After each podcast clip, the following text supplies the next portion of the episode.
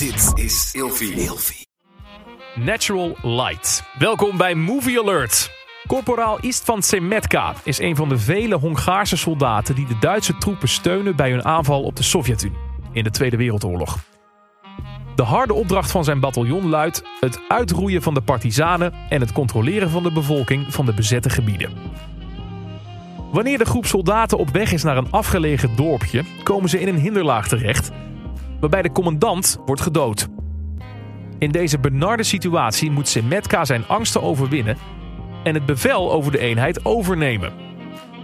Maar hij verliest zichzelf in de chaos en het geweld en raakt volkomen de greep op de situatie kwijt. Natural Light is de debuutfilm van de Hongaarse regisseur Denes Nagy. Eerder al maakte Nagy de documentaires Harm Another Hungary en de korte film Soft Rain.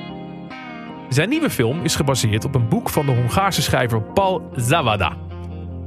Door de combinatie van niet-professionele acteurs van het Hongaarse platteland en het grauwe camerawerk van Tamás Dobos heeft de film een prachtig vormgegeven donkere sfeer gekregen.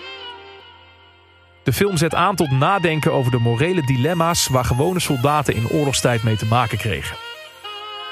Natural Light ontving in 2021 tijdens de 71ste editie van het Filmfestival van Berlijn de Zilveren Beer voor beste regie.